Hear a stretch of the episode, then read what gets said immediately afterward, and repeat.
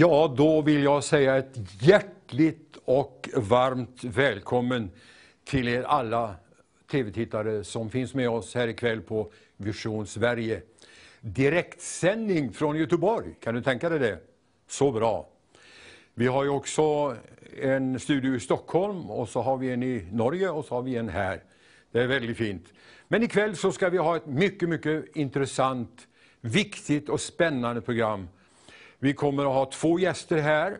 Den ena heter Dan Ådal och den andra heter Simon Lönngren. De ska berätta om vad Gud har gjort i deras liv och de ska berätta om vad Gud kan göra i ditt liv också. Och Jag tycker så här att du ska ta och ringa dina vänner och bekanta som eh, du vet eh, skulle ha nytta av ett sånt här program. Och kan glädja sig och kanske skulle behöva ett eller annat ord. Så ta din telefon eller på vilket sätt du kan meddela dina vänner om det här. Ja, då tänkte jag också att jag skulle citera ett bibelord i början här. Därför att eh, Guds ord, det är det som betyder mest av allt när det gäller de här programmen.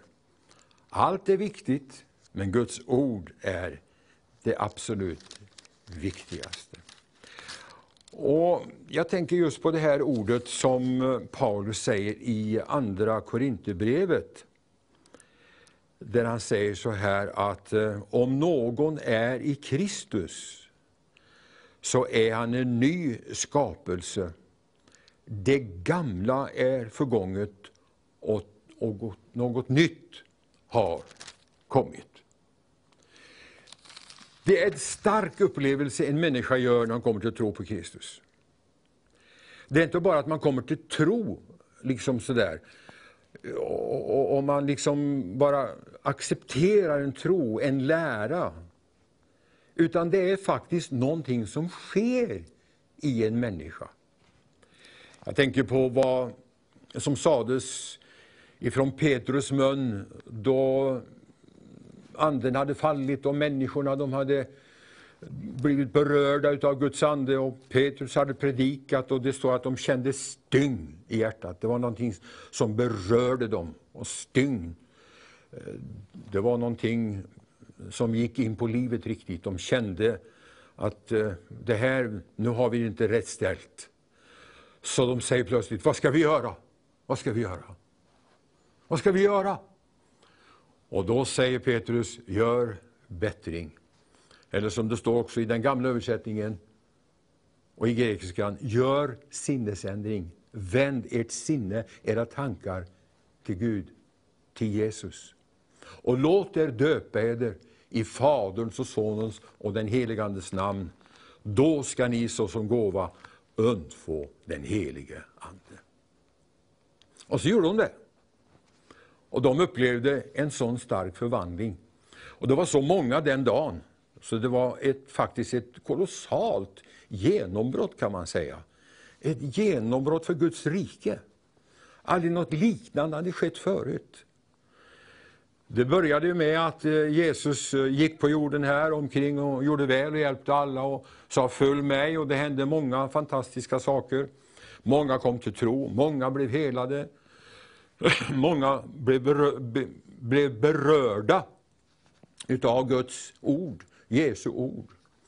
Och de blev berörda av hans hand som förmedlade hälsa och krafter till lama, blinda och döva. Helt fantastiska ting. Det sker någonting när Jesus uppenbarar sig. Och han uppenbarar sig här ikväll genom sitt ord, genom sång, genom vittnesbörd. Så sitt där med en förväntan du kan faktiskt vänta dig någonting från Gud. Förvänta dig någonting. Det kan ske med dig som det skedde på pingstdagen, som jag nyss nämnde om. Vad var det som skedde på pingstdagen? Jo, Jesus hade ju sagt till sina lärjungar att ni ska vara kvar här i Jerusalem tills dess att ni från höjden blir beklädda med kraft. Stanna kvar här. Och så satt de där i övre salen och de hade bett och de hade samtalat, de hade sjungit säkert och de hade, ja, plötsligt när de sitter där så är det någonting som händer. Det var som en våldsam storm hade farit fram, står det. Som uppfyllde hela huset och alla som satt där, de blev uppfyllda av den heliga Ande. Och resultatet av det, första resultatet av eh, det de upplevde då där, det var att de började tala nya tungomål som de aldrig hade talat förut. Kan du tänka dig? De blev alltså påverkade utav denna storm, denna, denna våg utav ande som kom över dem i det rummet där. De, de kände att det var någonting speciellt. Och plötsligt så börjar de att tala nya tungomål. Och de talar språk. Och de talar högt. Och människor runt omkring hör det. Runt omkring. Och hur kan det komma sig, säger de, att vi hör dem tala om Guds väldiga gärningar på våra språk. De hade kommit från olika, olika länder. De kände igen språket, kände igen tonen. Det som då predikades stadfäste Gud genom den heliga Ande så att folk tog emot och lät döpa sig. Och så står det, så ökades församlingen på den dagen med vid pass. Ungefär 3000. Är inte det värt ett halleluja hemma i soffan, eller hur? Eller var du sitter någonstans. Eller lyssnar eller tittar på det här. Det är lika verkligt idag. Och det ska vi förvänta oss att det kan också ske i hemmen. Det kan ske här i studion, det kan ske i våra möten. Om vi är i förväntan på honom och vad han gör och vad han kan göra. Det kan ske också i våra dagar. Han kan frälsa, han kan döpa i anden, han kan hela ikväll. Låt honom göra det. Vi kan det inte, men han gör det. Vi är bara en liten länk som förmedlar budskapet och så kommer Gud att stadfästa det genom tron i ditt hjärta. Om någon är i Kristus, det vill säga kommer in i det här gemenskapen med honom, det är en andlig gemenskap. Jag ska inte gå in närmare på det nu, men jag vill bara säga det. Detta är en förvandling. Paulus han kallar det för en ny skapelse. Och vad är en ny skapelse för någonting? Jo, en ny skapelse det är någonting som inte har funnits tidigare. Det är något nytt som har kommit. Och han säger det, det gamla är förgånget, det är borta.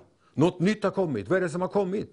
Det nya livet, den anden som kom på pingstdagen. I Sverige firar vi ju påsk, Jesu död, uppståndelse. Vi firar pingst. Och vi tycker om de högtiderna. Men det är inte bara då Gud verkar, han verkar då också. Han verkar nu med. Och därför så är vi frimodiga ikväll med vårt vittnesbörd. Och Paulus han säger så här att eh, jag blygs inte för evangelium, för det är en Guds kraft till frälsning. Ja, talet om korset säger han, det är visserligen en dårskap för dem som går förlorade, men för oss som blir frälsta är det en Guds kraft. En dårskap. Varför är det en dårskap för många? Ja, det är ju det. Därför att de är inte informerade av vad det handlar om. Och dessutom är det svårt att förstå riktigt Guds visdom i en sån människoslakt som det var när Jesus dog. Att han tillät det. Det ser ut utifrån sett som en dårskap, intellektuellt sett. Men för den som blir frälst, står det, är det Guds kraft. Men den som är utanför är oinvigd och inte känner till bakgrunden. och innehållet, så är det en dårskap. Hela kristenheten är ju liksom, ja, sett lite snett på honom. lite sådär, ja, det är väl inget att räkna med. Bli religiös. Nej, religiös, det kan man vara, både hit och dit. Men att bli en kristen, det är när man tar emot Jesus Kristus. Och det står så här, åt alla dem som tog emot honom. Det är där det ligger, som tog emot. Ja, vi säger du kan komma till honom, ja det kan vi göra i bön. Men det står det som tog emot honom gav han makt, gav han rätt att bli Guds barn. Och den rätten är din, du som ännu är utanför. Ta emot honom. Du behöver ingen kyrka ens för det. Precis där du är kan vara din kyrka. Din lokal, ditt område där du kan uppleva förvandlingen. Vill du? Ja, då ska vi fortsätta här med att samtala med våra gäster. Men du kan ringa in ditt bönämne ikväll. Du kan ringa in om du vill ge en gåva. Och det vore fantastiskt roligt om vi hade fått den här muren klar så fort som möjligt. Vi kanske ska slå upp den skylten om du har den på en gång. Det är så här att eh, igår var det väl ett, nästan ett 20-tal som sa vill vara med och köpa en sten. Som betyder att det är fem 100 kronor till, eh, till eh, verksamheten här på TV.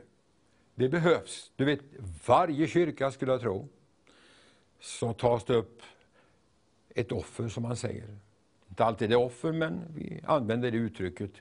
Vi samlar in medel, ekonomiska medel för att kunna klara verksamheten i kyrkan. Och så är det också när det gäller TV, att vi måste bygga också, inte bara med våra böner och våra vittnesbörd, utan med de pengar som kommer in. Så är det, ska du på bio så kostar det, ska du in på en danslokal så kostar det, ska du in på ett annat ställe så kostar det pengar, på teater och vad det nu är. Allting måste täckas och här är det inget tvång, här är det frivilligt. Så vi bara ser fram emot det här att du är med och ringer in ikväll och ger din gåva. Okej? Okay? Ja, då har jag glädjen att få säga välkommen till vår första gäst här. Välkommen eh, Dan Ådahl. Tack ska du ha. Ursäkta att jag sitter och niger nu, men eh, varsågoda sitt. Tack. För det, att, eh, det gäller att få med mig kameror också. Du, det är hemskt roligt att ha dig här. Men det är roligare för mig att få vara här. Hur kan du bedöma jo, det? Det är så här, va? där ute i kontrollrummet så frågar grabbarna, känner du till honom? Va? Det är min idol sedan barndomen, sa jag. Men det är sant. Det är sant. Både mina bröder och jag har lyssnat på dig ända sedan vi var unga. På 60-talet? Eller på 60-talet redan. Då när Roland Lundgren och Kurt Petersen kom med den här ja. bakgrundsmusiken till Gloryland när du ja. sjöng. Ja, visst. Alltså vilken skiva det var. Ja. ja. Och vad han spelar fort, ja. Roland. Det är det, det är det snabba ryck. Ja. Jag har ja. försökt härma det solo, det gick aldrig. Det är många som har försökt det. Ja, ja, ja. Men det är inte många som klarar det. Ja, men tänk vilken... Du kanske gör det? Nej, nej, nej, nej, nej. Men du spelar ju instrument. Ja, det har eh, blivit lite med, genom åren. Piano, synt. Det har blivit så. Det. Det är mest mina bröder som spelar och sjunger. Ja. Eh, nu på sista tiden så har det ju varit med jag också. Ja. Mm. Ska jag bara säga det på en gång. Eh, Dan Ådahl skrev en sång. Vi ska komma tillbaka till den sen. Vad hette den sången som slog igenom så oerhört? Ja, den heter Att lämna allt. Att lämna allt. Och det är min bror Frank som sjunger den. Ja. Och eh, den har ju sin dramatiska historia. Ja, ja, och det ska vi komma tillbaka till. Ja, Men innan vi kommer dit så tänkte jag så här att eh, jag vill alltid att eh, mina gäster ska berätta var de kommer ifrån, hur de hade det i barndomen, om det var skola på gång, söndagsskola på gång. Skola var det ju alltid, men mm. har du någon bakgrund i söndagsskolan? Var kommer ah, du ifrån från början? Oj, jag kommer från Finland. Hela familjen kommer från Finland. Jaha. I, i Österbotten. Svensk... född i Finland? Ja, i Kronoby norr om eh, Vasa, 10 mil. Jaha. Och eh, där så är det ett svensktalande område. Och eh, jag hörde finska första gången när jag kom till Sverige. Oh. Ja, i Surahammar. Där det? kunde de finska. Jaha. Ja, än idag. Det säger det, ja. ja. Så att eh, vi flyttade hit 1960. 1960? Och då var jag tio år. Jaha. Och vi är sex barn. En finns inte med oss, eh, men vi är fem kvar. Mm. Och eh, vi kom då hit och det har varit fantastiskt bra för oss att bo i Sverige. Ja. Och eh, söndagsskola frågar du? Ja. Redan när jag var 10 eller 11 år så var jag söndagsskollärare med min goda vän Per Axelsson. Det var du? Som eh, då eh, är son till Saxe på dagen. Ja. Ja. Och Per Axelsson han fick flytta hem till Herren här förra året. Han pastor uppe i, I Söderhamn. Söderhamn ja. ja min barndomsvän. Ja, väldigt svårt att han fick ja, gå så tidigt. Ja. ja du känner en bror till Saxe exempelvis, ja. som ja. i Jönköping? Vi skulle ju ha varit på den begravningen alltså, för Arne. Arne heter ja, För jag vet, Per och jag skulle ha åkt till hans begravning. Jaha. Du kanske var med på den begravningen? Nej, jag var tyvärr inte Nej. hemma då. Nej, för han ledde oss in till skivor med Donald Bergagård. Var det han som gjorde det? Så du, det, har- det har inte vi ens övat in.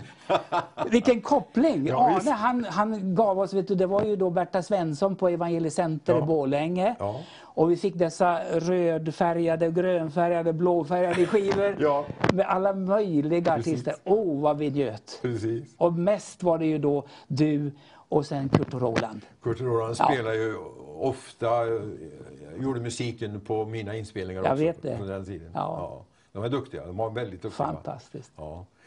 Men eh, som sagt var, eh, du var, du var till och med söndagsskollärare sa du? När du var Jajamän. 10-11 år redan? Ja, då. och sen då när Var, jag... var, det, det var i, I Surahammar. Surahammar. Ja. Och sen när jag blev lite äldre så eh, började vi sjunga ihop, eh, mina små bröder och jag. Ja. Och eh, det har ju eh, då fortsatt genom hela livet. Det här När började ni offentligt att sjunga? Ja, det var min äldsta bror Rodney som spelade och sjöng med dem först. Ja. När Frank var väl sex och Simon var åtta eller så.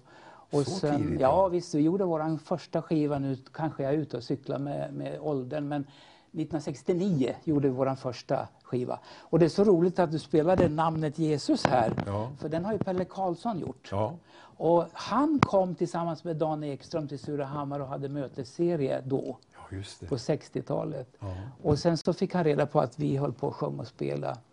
Och då gjorde de en sån EP som det hette på Just den tiden. Och jag hade gjort några låtar, sen så hade vi några som var lite kända då också på skivan.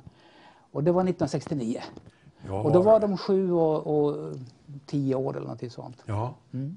ja så, så Pelle Karlsson och Dan Ekström Ja. kom till Surahammar? De var där och vi har varit vänner sedan dess. Vi har kontakt lite grann än idag, inte Dan och jag så mycket, men Pelle Karlsson Ja. och Evi var ju på Tanums strand i förra året. Ja. Och där var vi, mina bröder och jag också. Jaha. Ja. Du talade om just dem. När vi var nygifta, Noomi och jag, i i Jönköping då. Ja. Då kom Pelle Karlsson och Dan Ekström eh, till eh, vår lägenhet med en ros och, och gratulerade oss. Jaha, Och det är bra gjort. det är jättebra. Och så fick jag en skiva där han sjöng Vi Jerikos väg eller Jerikos väg. Ja, när han var 13 år. Gostenåren. Ja, Per-Erik Ja. hette han ju. Nej, vänta. Eh, Per-Olof. Per-Olof, ja. Per-Olof Karlsson. Ja. ja Per-Olof Karlsson. Ja. Och sen blev det Pelle då, ja. just det. Ja. Men tillbaka till mycket gemensamt vi har som inte vi visste om. Det är så roligt med sådana här spontana samtal Ja, där vi inte har gjort ett stort eh, ark som vi måste hålla oss till. Nej, du fick ju ett har- återbud igår, det är därför jag är här. Va? Du fick ju ett återbud här. Jag skulle inte ha varit här. Yes. Så vi kom ju att bestämma detta igår så här. Ja, ja. Och det Ja, är ju fantastiskt. Alltså, när du ringde så tänkte jag, har Donald ringt, då går man. Då kommer man. Väldigt roligt att du är här. Så ni åkte runt sen då, hela familjen, eller var det ni pojkar bara som Eh, åkte det runt var och, i mest församlingar? eh, Frank och Simon och jag som åkte runt. Ja. Och eh, det var mest till just Pelle Karlssons och Dan Ekströms och Tore Kjells mötesserier. Ja. Så fick vi vara på någon slags en liten extra krydda ibland. Och sen var det en del pastorer då kring Surahammar som ringde till oss när de inte hade någon annan. Jaha. Så vi fick komma dit och sjunga. Ni fick god träning då? Väldigt god träning. Ni all- övade mycket hemma då, men ni var mu- musikintresserade Ja, alla? vi övade väldigt mycket och vi började väldigt tidigt att göra låtar själva Jaha. innan det var modernt. Ja. Och det har jag fortsatt med och det har Frank och Simon fortsatt med också hela livet. Jaha. Ja. Jag minns de pratade mycket om Edin Ådahl. Vem var Ja. Edin? Edin, det är två bröder, bröder som heter Lasse och Bertil Edin. Ja. Och eh, de två bröderna träffade då Frank och Simon. Ja. Och så bildades Edin Ådal. Jaha. Och eh, jag var faktiskt med och reste ett par år med dem, men då ställde jag mest ljud Jaha. och organisera och bara vara med. Ja. Så att, eh, men de är som om de vore våra bröder också. Ja, ja. ja det vill, men de eh, särade på sig sen. eh, Ja, det, de arbetar inte. Bertil han är pastor och Lasse han bor i Örebro och jag annat. Eh, Men de sjöng och spelade tillsammans och jobbade på heltid med detta i många år. Jag gjorde det. Ja, gjorde många skivor. Jag minns de pratade väldigt mycket om den gruppen då. Var det 70-talet någon gång? Eh, eller? 80-talet tror jag mera. 80 kanske ja, det var. Precis. Eh, var inte, slog de inte igenom i ett tv-program? Ja, så de eh, vann ju den svenska uttagningen till Eurovisionsschlagerfestivalen. Precis, så var det, ja. Precis. Ja. Ja, så var det. Men, vad var det för låt de sjöng då? Det var Som en vind. Ja, just det. Ja. Som en vind. Det är ju fantastiskt att de, eh, en kristen grupp slog igenom Ja, där. det var väldigt bra. Ja. Ja, så var det. Eh, Tillbaka till eh, den dramatiken kring din sång. När skrev du den? Ja, det var 1980. Du gjorde en utflykt ut i så kallade världen en Ja, tid. Och, och det var värre skrev än så Donald. innan? Ja, du får berätta. Ja, det var så. Det var lite värre än så. Jag, jag började ju då min bana med att jag skulle vara, eh, bli pastor Ja, och evangelist. ja. Och, eh, eller evangelist och pastor heter det nu. Eh, så jag var evangelist i Vasa i Finland. Okej. Eh, under den tiden då när Edin Ådahl började Mm. spela. Och eh, mm, jag tänkte nog att det blir nog min eh, resa. Det kan, kändes rätt. Ja, Och just berätta om eh, tron på Jesus. ja, just det. Och jag vet inte hur det kom sig men det är en serie saker som händer i livet eh, ibland. Och, Ja. Eh, 1976 så flyttade jag tillbaks till Gävle då och bodde där och jobbade som lärare. Och utan att gå in på så mycket detaljer så, Ja. så började det bli eh, andra ingredienser i mitt liv. Mm. Och det var på något sätt som att jag fick en förkylning kan man säga. Jag försökte bota den där förkylningen, ett slags tomrum. Mm. Och jag vet inte vad det grundade i sig. Jag, jag vet att eh, det kändes som att jag inte riktigt platsade, eh, inte riktigt kände mig själv, inte riktigt död. Ja. Och jag försökte bedöva mig själv. Ja. Och det blev då öl. Och så blev det ju att smyga med det, för min fru tyckte ju inte det här var roligt. Nej. Nej. Och inte jag heller. Men det var på något sätt som att den här förkylningen då eskalerade. Det blev för mycket utav det. Ja, alltså det, det är ju så när... Jag heter ju att jag är nykter alkoholist idag. Jaha. Det är väldigt viktigt. Ja, det Och sen sex år så är jag gick nykter. så långt. Alltså. Ja, det är så. Men då finns det olika sorts alkoholister. ja. ja. De som ligger på parkbänken, de har ju gått längst. Mm. Medan 95 procent av alla svenska alkoholister, de är som du och jag. Mm. Det ser man inte på dem. Nej, det märks inte. Och det finns en massa beroenden, andra beroenden än just alkohol också. Som man flyr in i. Jag flydde in i ett annat beroende och det var mitt jobb. Ja. Jag flydde in i allt möjligt som jag kunde då lyckas i. Och, och bli bäst i eller Ja. tillfredsställa mig själv egentligen att bli bra i, i mina egna ögon. Ja. Tillgodose mina egna behov. Ja. Och eh, jag, jag, jag var musiklärare under, eh, ja, lärare i, i, på högstadiet i, både i Gävle och i Kalmar och i Göteborg. Jaha, Och okej. jag höll på med mycket med körer och kabaréer och, Mm. och jag tyckte det var fantastiskt. Åh, vad jag älskade detta. Ja. Ja, men det var ändå inte nog. Inte för mig själv. Så ofta var det så att jag blev tvungen att eh, helt enkelt bedöva mig själv och, och den där förkylningen den eskalerade. Ja. Och om vi inte tar alltihop på en gång så var det då till 1980 ungefär som då det började bli lite väl mycket. Alltså jag, började, jag började förstå att det här är ju, det här är ju inte riktigt rätt det här alltså mot mig själv och min kropp. Eh, för att så fort att jag kom hem och för mig själv så, så drack jag. Mm. Ja, och jag började gömma hemma. Mm. Och eh, så kom då en mycket dramatisk vecka i mitt liv när min fru åkte med ungdomarna i Kalmar till eh, Österrike. Jaha. Och då tänkte jag nu den här veckan, nu ska jag äntligen liksom bara vara för mig själv och koppla av, säger ju alla alkoholister när de vill supa. Släppa loss. Ja, så jag drack vet du. Det var helt otroligt Ja. alltså. Och jag gjorde låtar och jag satt och spelade och jag satt där på, i, på Öland Mm. eh, i våran eh, stuga och så. Mot torsdagen sen så tänkte jag, men du, jag har ju ingenting i kylskåpet längre. Jag måste ju handla. Ja. Så jag sätter mig i bilen Oj. och åker in till Kalmar. Åker ju fast i en polisspärr. Och inte tänkte på att... eh, Ja, Jag hade ju så mycket sprit i kroppen så jag tyckte jag fungerade bra, ja. ja. som man ofta gör då. Man gör ju det. Men eh, det vart ju tvärstopp förstås. Ja.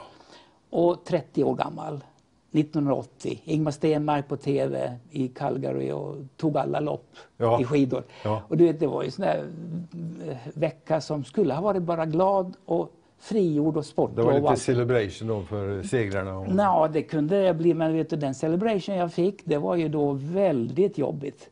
Förstår? Du vet, musiklärare i en liten stad, åka fast för att fylla. Vakna upp till det. Att man blir utsläppt ur polisstation och tar buss hem. Oj. Det var ingen rolig sak. Det måste kännas. Det var lagom åt mig, Ja. kan jag säga. Var du en natt där då eller? En, ja, nej, jag Först- fick lov att gå direkt. Men alltså, jag var där och fick inte köra bil hem förstås. Nej, nej. Så jag gick till skolan och la mig i soffan där. Jaha du.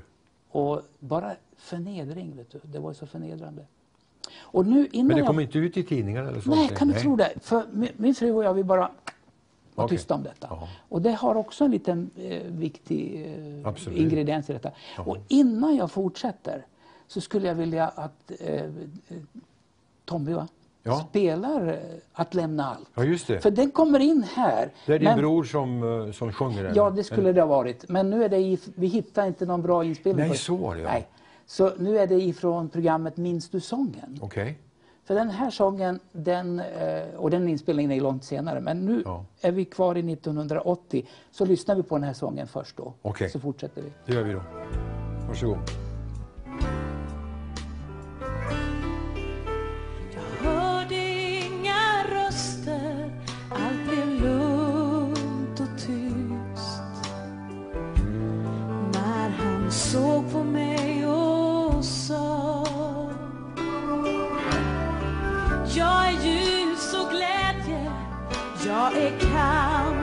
Kamp,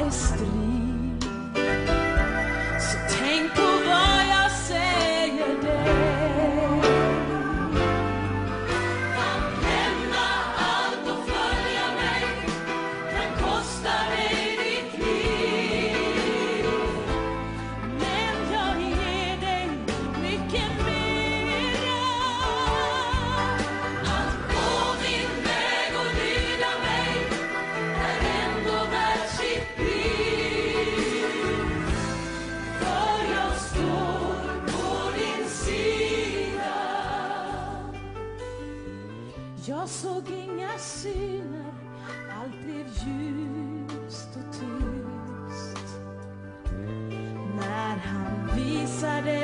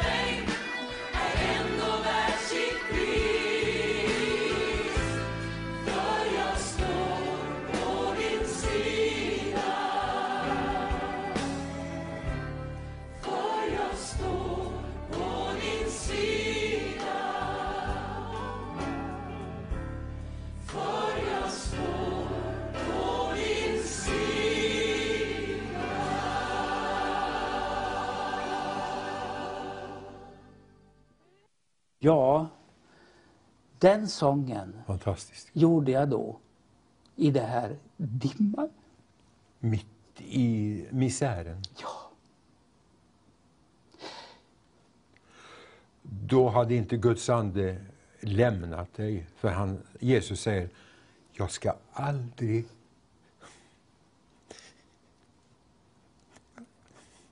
Jag ska aldrig lämna dig.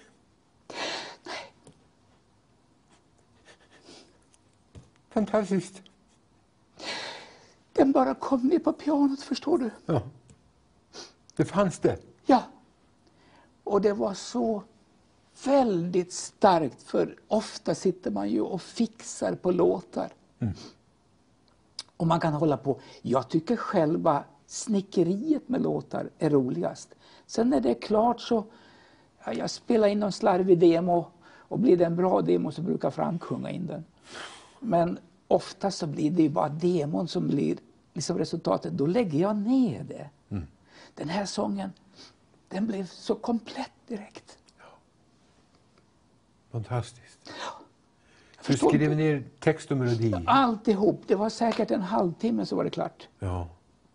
Och eh, då så tänker man ju, nu så skulle jag väl gått då till Urban Ringbäck och La- Lars-Olof och Anders Jacklund allihop och sagt, nu har jag ju en eh, låt här. Det gjorde jag inte. Nej, Jag låste in den. du låste in. Du minns att jag sa så här, när min fru och jag vi höll tyst om det här. Ja. Den låten, den låstes in. Så jag låste in anden. Ja. Jag låste bort den ur mitt liv. Helt och hållet. Jag låtsades som det regnade, jag var tyst om detta. Men den var född av Gud, av den ande som inte hade lämnat dig, som jag sa. Jesus sa, jag ska aldrig lämna er. Om vi går bort så lämnar han oss inte. Det betyder inte att det vi gör är rätt, att han godkänner. Men han är efter oss hela tiden. Ja. Och han var, hur många år tog det innan du plockade fram sången? ja, det tog tio år. Och då var det så att det fattades en sång på en skiva som hette We Love Gospel Music. Och eh, så var det Per-Erik som fick höra den, Frank eh, visade den för honom. Och så spelade de in det med en kör som hette Credo. Ja. Och nu förstår du, så tänker man så här då som låtskrivare heter det idag. Man hittar på sånger säger jag. Men eh, eh, då tror man ju då att eh, när man får en låt som blir känd så är det ju jättekul. Ja, det är ju det som man vill. det är klart. Vet du att jag tyckte inte om det, att den blev känd. Nej. För det, den påminde mig bara om det här. Ja, För du var ändå kvar i mörkret. Se där ja. Och jag fick ju sitta en månad, och det var rätt åt mig, i fängelse. Du gjorde det. Och jag kom ju aldrig ur det där fängelset. Det var ju ett eget fängelse jag byggde mig. Ja. Och jag fortsatte ju att försöka hitta tillfredsställelse i mitt liv med att göra olika arbeten och hitta på nya vägar och gå och resa och sånt där. Ja. Och du ska inte tro att alkoholismen lämnar mig. Nej. Det skulle jag ha behövt lärt mig bättre av. Jag skulle ha behövt lyssna på sången också, Ja. som jag själv fick till mig. Ja. Men det gjorde jag inte heller. Nej. Allting blev fel. Försökte hitta en annan utväg men det Just det. gick inte. Nej. Och så kom då åren att då läggas på varann. Och då så, bild, så bygger man upp då också en ackumulerad sorg. En ackumulerad, eh, eh, ska vi säga, en, eh, känsla av misslyckande. Ja. Och att eh, eh, man inte duger. Och det eskalerade upp så långt så att jag fick en stroke 2013. Oj. Och då var jag mitt i karriären som konsult och reste över hela världen. Det gjorde. Och man tycker oj vad framgångsrikt. Jo, det kan man väl säga, men det kostade mig väldigt mycket. Nästan mitt liv. Ja. Och då fick jag liksom en tvärstoppupplevelse i mitt liv. När man ligger där då och inte vet om man ska kunna fungera igen. Nej. Och man inte kan prata, eh, talet försvann. Eh, och, och, och jag kunde bara, min fru hon tyckte hon förstod ingenting vad jag pratade om. Nej. Så att eh, det är ungefär som att tala i tungor utan att vara välsignad. Ja. Det är ungefär så man kan Ja, ja, ja. Man förstår ingenting. Man försöker säga någonting men man fattar inte vad man ska säga. Och det släppte ju rätt så fort, Det gjorde det. som tur är. Och inga men har jag då så. Men vad kände du eh, när det drabbade dig då? Var, plötsligt så, så var du ännu kvar i fängelset så att säga. I, det var I det andliga fängelset. Ja, men jag tyckte det var skönt. Jag hade hoppats nästan att jag skulle slippa ifrån allting och, och få dö. Ja. Så var det. Det var så Ja, och förtvivlat. Ja, förtvivlat. Och efter jag blev frisk eh, och fick eh, åka hem, då kom det riktiga eh, bakslaget. För då blev jag så deprimerad som man kan bli Okej. när man har hjärt och kärlsjukdomar. Ja. Eller folk som har haft kanske hjärtinfarkt eller stroke eller Mm. tior och sånt där. Va? Kan lätt få en depression. efter. Ja, just det. Och det fick jag. Ja. Och då visste jag ju medicin till den förstås, som du förstår. Mm. Det vart ju bara mer att dricka. Det var med, eh, försvarbart nu då, Ja. att nu har jag Ja. rätten till att göra det, Det här var för nu har jag, eller hur? Så det var ju väldigt jobbigt för omgivningen. Ja, jag förstår det. Och de, var- hela min familj var ju väldigt maktlösa där. Och, men de hjälpte ju mig hela tiden. Min familj har ju alltid varit eh, väldigt nära mig. Och vi, är nära än idag. Ja. Så det var ju fantastiskt. Du talar om hela familjen, Ja, just det. Ja. Rodney, Elisabeth, Simon och Frank. eh, Och min fru och, och släktingar. Så vi har alltid mån... De stöttade dig och Ja. uppmuntrade dig Ja, och verkligen. att stå på och gå vidare. Ja, då, hela tiden. Istället för att, vad håller du på med liksom? nej, nej, nej. trycka ner? Nej, nej, nej, Nej. Vi kör inte sånt. Nej. Nej, så är det. Men så gick det då till 2014, Mm. eh, då på sommaren där. Okej. Så var kyrkoherden i Kungsbacka, Joakim Holmgren, han är hemma hos Herren nu. Mm. Han tog mig till Valet, en rehabanläggning eh, som heter Valet. Jaha. Ja. Och där går jag in, förstår du, på, på, på, på sommaren. Ja. På valet. Då mötte jag Gud, Ja. kan du förstå. Ja. Och jag har det här armbandet, det står sober på det. Sober. Det Ja, det gör det. nykter. Ja. Sen dess har jag varit nykter. ja. Fantastiskt. Det är sex år och två månader sedan. Härligt. Ja. Gratulerar. Tack så mycket. Och varje dag sedan dess har varit en fantastisk upplevelse. Det vill säga, jag är vanliga dagen då. Det, Ja, ja. det är jag ju som jag är. Jo. Men jag är frisk idag. Mm. Jag har alltså mina sinnens fulla bruk. Jag vaknar upp och är klar i knoppen. Ja. Jag går och lägger mig när jag är trött. Jag behöver inga medel. Nej. Och sen har jag fått en livsglädje. Så pass att jag till och med kan vara med mig själv. Och det var inte tänkbart förr.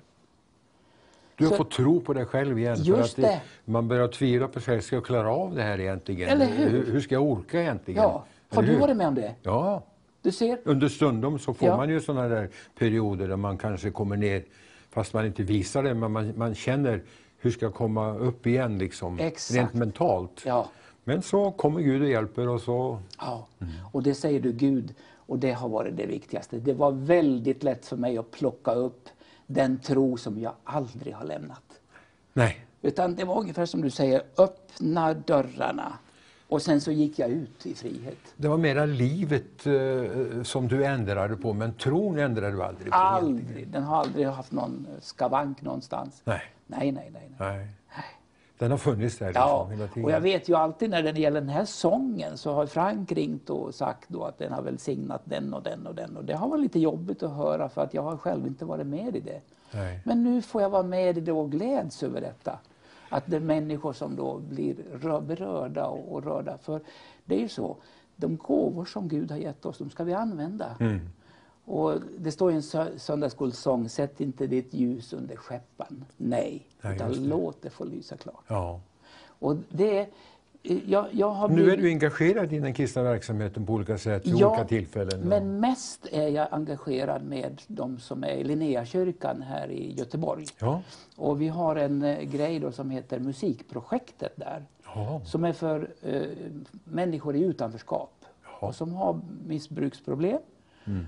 Och eh, det finns då eh, program för dem. Så jag leder en grej då, har gjort inom fyra år, inte just så mycket nu som jag gjort under fyra år tidigare. Okej. eh, Som heter Musikprojektet. Då, Ja. som, eh, som man kommer till på varje tisdag mellan 10 och 12 och sjunger där. Vad Ja, bra. det är så roligt. Och, och då kommer folk ifrån olika ställen, då, resursboenden i Göteborg. Och så. Fantastiskt. Och- det är meningsfullt. Ja, det är det. Och sen så har jag ju då tack vare de här eh, framträdandena som jag gör ikväll Mm. och som jag har gjort också på andra ställen så, så får jag kontakt med människor som har liknande bekymmer. Alltså som har upplevt hur man eh, får skam i sitt liv. Mm. För att skuld, det är någonting som du har. Mm. Men skam, det är någonting som du är. Ja. Och det är stor skillnad. Stor För har du skuld, ja men då, re, då reder vi ut det du och jag Donald. Mm. Men har du skam, vet du, då är du det. Då har du gjort det till någonting. Mm. Alltså ett missbruk kan leda till att du lever som en, i en skam. Ja. Och det är det som jag försöker hjälpa människor Hjälpa andra ur. För du har själv upplevt det Jag hela vet vägen. precis hur det där är. Ja. Och när vi kommer då tillsammans där på tisdagarna där i Linnéakyrkan eller någon annanstans då, Mm. Där vi har de här samlingarna så, så vet vi vad vi menar. Jag är väldigt mycket på AA till exempel. Okej. Och jag har gått tolvstegsprogrammet själv. Jaha. Och eh, tror på det. Ja, Det finns också Gud med det. Absolut. Och för mig så är det ju så väldigt enkelt eftersom jag bara kopplar på den tro som jag redan hade. Sen Ja. söndagsskolan och Per Axelsson och Donald Bergagårds sånger. så var det. Ja, men det är ju så här att varje liten grej bidrar till någonting Ja. som är positivt. Ja, men så är Om man har rätt inställning. Precis. Och det har ju du lyckats med att Ja. göra. Och nu eh, kan du gå ut och spela och sjunga på, i kyrkor också om det så skulle vara. Ja, det gör jag ju också, men jag går och... Just nu är det ju lite... Precis. Men det, blir, det finns webbgudstjänster så, Ja, så jag hjälper till alltid när alla andra är sjuka så ringer de till mig. Jag hade ju glädje när, vi gjorde, när TV2 gjorde inspelning förra året på Hönö. Ja, just det! Då fick ju du spela eh, Ja, vilken för mig, grej. Åh, vad roligt det var. Vad, roligt det var. Ja, vad Att få ha en proffs på piano. Ja, tack ska du ha. Jo men det är ju så. Du, det var så härligt. Och då sjöng jag de här eh, örhängena som har följt med mig ja, mycket. det då, aldrig dör. Ja. Åh, vad fint Och min kung och jag. Åh, den var ju kanon.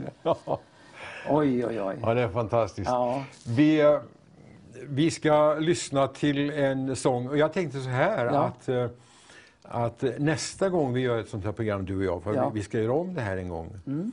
Och, och mm, när vi får en ny studio här Ja. i Göteborg, Ja, den är så liten, så vi kan dra in instrument och, och, och, så du kan få sätta dig och leka med... Ja, på ett villkor då, det är att du sjunger också. Jag ska sjunga då. Ja, vad bra. Och du ska sjunga. Ja, det kan jag väl Och göra. kanske vi sjunger duett också. Ja, men du, alltså, då, då är det ju höjden på min Alltså, karriär. då är det ju, för mig så är det ju det så stort. Så, det, Ja, du, så vi hoppas att Herren dröjer Ja. och, och vi får leva det måste vi. tills vi får en ny studio. Ja. Och, och jag vänder mig till dig också här nu, kära tv-tittare. Att, känner ni till någon plats här i Göteborg där, eh, där det finns eh, lokaler som man kunde hyra?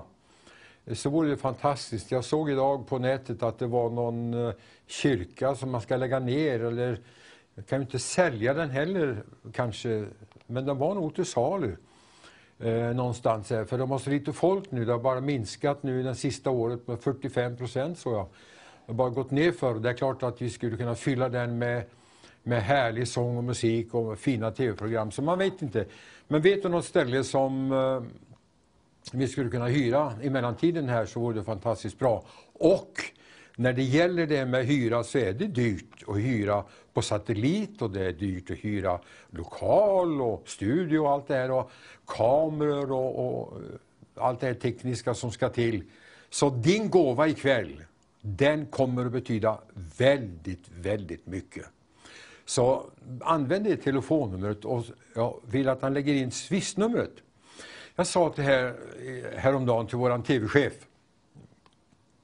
Jag sa så här, vore det inte bra om... För jag har lagt märke till att på Facebook så går ju det här live. Och där finns det ungefär en, mellan 6 och upp till 9-10 000 tittare varje kväll som ser på den här kanalen, bara på Facebook. Oj. Ja. Och sen alla andra som tittar i hemmen.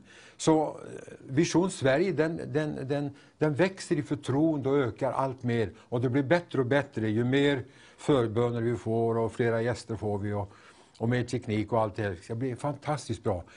Dan Ådahl, vad har du gjort för upplevelser sen som du de här sex åren som framstår som intressanta och värdefulla som du kunde meddela?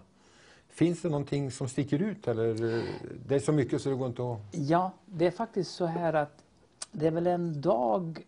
Eh, varje dag är det någonting nytt. Det, det, det som har blivit ska vi säga, förändringen det är att eh, jag nu då har mer en relation med Gud än en, en religion bara som jag trodde på ja. och som var inlåst som du sa. Eh, Anden var inlåst. Ja, okej. Men nu har jag en mer aktiv relation och aktivt böneliv. Jag pratar med eh, Jesus varje morgon. Jag är ute och går och springer och, och lyssnar alltid på olika eh, musikstycken och allt möjligt. Men så går jag och ber. Ja. Men det som jag har sett har varit den stora skillnaden mot tidigare. Det är att jag äntligen har fått liksom ro i mitt liv. Och att jag också kan få hjälpa andra människor. ja, just det. Det är det du Det är det stora. Mm. Det är det stora. Så att jag var nu då på Las Palmas och jobbade i turistkyrkan här nu ända till 20 eh, vad heter det? Mm, mars. vi Mars. Eh, då när vi blev tvungna att åka hem allihop på, på grund av corona. Ja, okej. Men där fanns det också en uppgift som var väldigt stor för mig. För det fanns olycksbröder och systrar som har kommit ner till Kanarieöarna för att döva sig ordentligt. Ja. Och eh, vi har alltså rätt stor AA-verksamhet där som jag själv har varit med eh, Det har ni också. och lett lite grann kan man säga i kyrkan, turistkyrkan i Ja. Las Palmas. Betyder så mycket. Ja, du vet det finns många svenskar där nere och norr, eller Skandinavien. Ja, Och AA har ju sitt nät över hela världen. ja just det. Så jag måste säga för att sammanfatta alltihop så av all, hela mitt liv nu på 69 år Mm. så är de sex åren som har gått nu de bästa. Så det, mitt budskap är ju att det inte är för sent Ja. och att aldrig ge upp. För Mm. tänk om jag hade gett upp, då har jag inte fått suttit här med dig. Nej. Och inte kunnat eh, bli till välsignelse heller på Nej. det sättet som du är ikväll. Nej. Och Nej. du vet, det är ju så fantastiskt när någon ringer och ber om hjälp. Och det brukar vara så att man ringer till mig och så säger man du jag har en kompis då som har problem med alkohol. Mm. Och jag förstår nästan direkt att det är ju inte någon kompis utan det är ju den som ringer oftast. Ja. Men det gör ju ingenting. Nej, nej. Och då sitter vi och pratar och det kan vara vänner sedan förr i tiden, det kan vara ny bekantskap, nya bekantskaper. Och sen så har ju vi då i vår familj ett fantastiskt kontaktnät över hela landet Ja. med kyrkor och sånt där. Ja. Så om de är från vilket ställe i landet så kan vi guida dem till någon Ja, vi känner det. någonstans. Ja, du säger det. Ja, det brukar Även i. USA. Ja, det kan ju vara också så. För jag är ju Du- reste ju dit, eh. Ja, men jag brukar vara på Angelos Temple där. Ja. Och eh, jag vet att min kompis Olle Samuelsson tittar på det och jag har ju en annan dröm där och det är att han och jag ska få sjunga tillsammans på ett sånt här program någon gång. Absolut. Kanske det skulle vara med dig. Absolut. Be Absolut. honom komma ner dit. eh, Absolut. Hit. Det vore bra. Kanske vi kan göra det i Florida för vi ska göra inspelningar där. Han bor i Los Angeles. Ja, det är lätt att flyga ja, visst, över. du. Det tycker jag. Det ska jag Ja. säga till honom. Det kan vi ordna med. Nej men alltså, Det vet du Olle, om du, om du tittar nu här så, så, så kommer vi att ta kontakt med dig. ja, ja. Jag åker till Los Angeles, till Angelos Temple. Ja, För där har de det absolut mest eh, ska säga, dynamiska programmet för eh, rehabilitering. Är det inte, är det inte mm, vad heter han nu, den där unge Matthew killen? Barnett. Ja, Barnett ja. Ja, hans pappa. Ja, hans pappa start- ja. Som startade det. Just det. Och det är faktiskt så att i Göteborg så finns det en slags eh, släkting där med eh, Dream Center. Ja, Dream Center. Så att eh, vi har det i stan också. Ni har det här i stan Ja. också?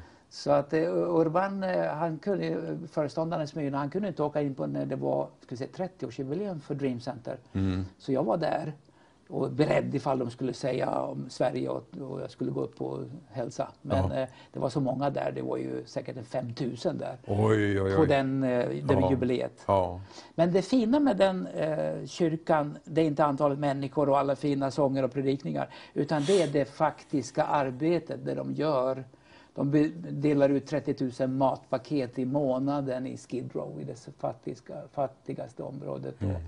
Och, det, de har en sån här medical bus. Och, ja.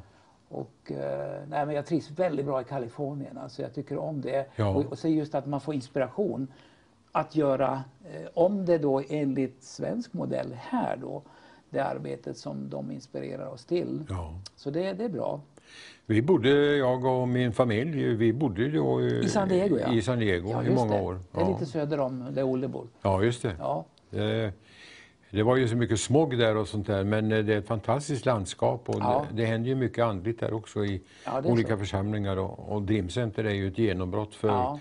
De nödlidande. Och det är klart, det vore ju underbart om det kunde bli ännu starkare här i Göteborg också. Ja, det är det. Och vi har ju en start här då med, med både Linnéahuset och vi har Räddningsmissionen, vi har Ja. Stadsmissionen och vi har då LP-stiftelsen finns kvar. Jajamensan, Ja. den finns också. Ja. Och i Mölndal är ju LP-stiftelsen också. Ja, just det. Det. Jag tänker på just det här med de som har eh, problem och har eh, spritproblem och alko alkoholproblem som inte kan låta bli. Eh, för det var en som sa till mig, när, när jag slutade sa han, så bestämde jag mig för, Gud, löser du mig nu så kommer jag icke att ta en lättöl ens. Nej, Pang bara. så är det. Man måste välja, eller hur? Så är det. Eller kan du ge ett råd där? Nej, det är sant. Det, det finns inga enkla vägar. För att det är så här va, Eh, det är så här, jag, jag har sett det på nära håll eh, och på avstånd också, att eh, ja, aldrig mer. Aldrig mer. Icke en sup säger den. Aldrig, jag har slutat nu, nu är det aldrig mer. Och så blir man sugen, ja, jag tar en lättöl. ja. Ja, jag tar en öl. Ja, Ja. Jag, jag, jag tar en till liksom. Ja, Ja, jag kan ju ta en öl till maten. Och, och, och, och så tar man en till och så börjar det och Ja, nu, nu har jag ju... Nej, jag klarar nog en sup också. Och så det. kommer den va. Och, och, så, och så rätt vad det är så... Ja, nu har jag gått så långt så, och så bara kör man ut Ja, i diket igen. det.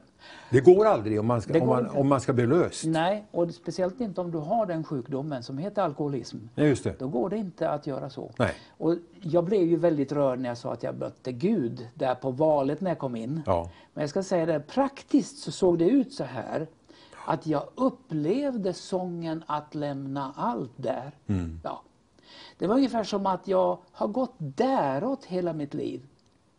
Och sen så säger Gud, nu får du lämna allting och följa mig. Det kommer Mm. kosta dig hela ditt liv. Men jag ger dig mycket mera om du går däråt. Ja, just det. Och då innebar det ett beslut om att dö nykter. Tänk på den. Ja, du. Dö nykter. Och där ligger den sången att lämna allt. Tänk om jag hade lyssnat och tagit in den 1980 redan. Du brukar jag skrev tänka den? ibland. Ja, jag brukar tänka så. Men det går ju inte att backa. Nej, det går inte att backa. Men det är Nej. klart att livet hade blivit annorlunda för dig. Just det. Naturligtvis. Så svaret men på det din var, fråga, inte- det, var inte, det, var inte, det var inte läge. det var inte läge för det hos dig. Det var, Nej, det, jag var det- inte beredd. Be- Beror det också mycket på viljan? Man Sådär, ja. Det är så. Och det är så här, du måste på något sätt komma till vägs ände. För djävulen kommer inte och säger, här har du ett glas, ta det här nu. Det gör han inte. Nej, det Utan du. det är ju jag som, Det jag tar det väljer. och jag Ja, dricker, eller ja, hur? precis. nu är det vatten alltså. Ja, jag men- vet det. Nej, men det är så. Och jag har ju inget ont av att någon annan dricker öl och sånt här. Nej, eller nej. vin. Jag har absolut inte. Utan jag har ett förbund med Gud. Ja. Om att jag ska inte gå däråt mer. Nej. Utan jag går däråt. Just det. Ja, och då menas det ingenting där Nej. som vingelmån. Nej, just det. Utan däråt går jag. Ingen kompromiss. Finns inte. Nej. Finns inte. För det är som att, eh, ja, det är, äta, är som en sockersjuk börjar att äta massa sött och grejer och då går det åt skogen. Det finns det. Eh, exakt samma. Och de kan gå också på rehabilitering. Ja. Det finns rehabilitering mot allt. I USA finns det till och med rehabilitering för de som går på för mycket AA-möten. Jaha, till och Ja. med det. Till och med det. För att man stannar bara i själva det här AA-tänket. Ja. Så man glömmer att gå ut och leva nyktert. Ja, just det. Det är nämligen en konst att börja om sitt liv och vara nykter. Ja, och inte ha de där ingredienserna med fredagsvin och i mitt fall gömma undan några extra öl någonstans. Mm. Det är ju mycket mer tid som det frigör mitt i allt. Ja. Och du är piggare på morgnarna. Jag går ju upp jättetidigt på morgnarna numera. Ja, Och förut så kunde jag sova jättelänge. Så jag får ju mycket mer tid också. ja Men det. framför allt så får du alltså en, ett helt nytt liv. Du lämnar helt enkelt allt Mm. och du får mycket mera. Ja. ja, och nu har jag glädjen att hälsa välkommen till Simon Lundgren. Välkommen! Hallå. Tusen tack Donald. Roligt att träffa dig och bli bekant med dig och höra den gnista som, som du har för Guds rike och för Jesu evangelium. Det är detsamma, verkligen. Ja. Jag blir inspirerad. Vi uh, utbytte en del eh, goda tankar innan programmet började och vi är på samma linje. ja, precis. Jesus är grejen. Ja, Jesus det är svaret, Ja, het, absolut. heter en sång. Men du heter Simon och du bor här i Göteborg nu, men du är inte född göteborgare. Kan vi titta lite på din bakgrund? Absolut. Jag är ju eh, född eh, i Norge, i, nere på Sölandet. Så jag pratar med ganska grötig dialekt där, men på ett litet ställe som heter Fläckefjord. Eh, föddes där, mina föräldrar bodde i Norge och eh, gick en bibelskola i Kvinesdal, hette det, som hette Trons bevis. Ja.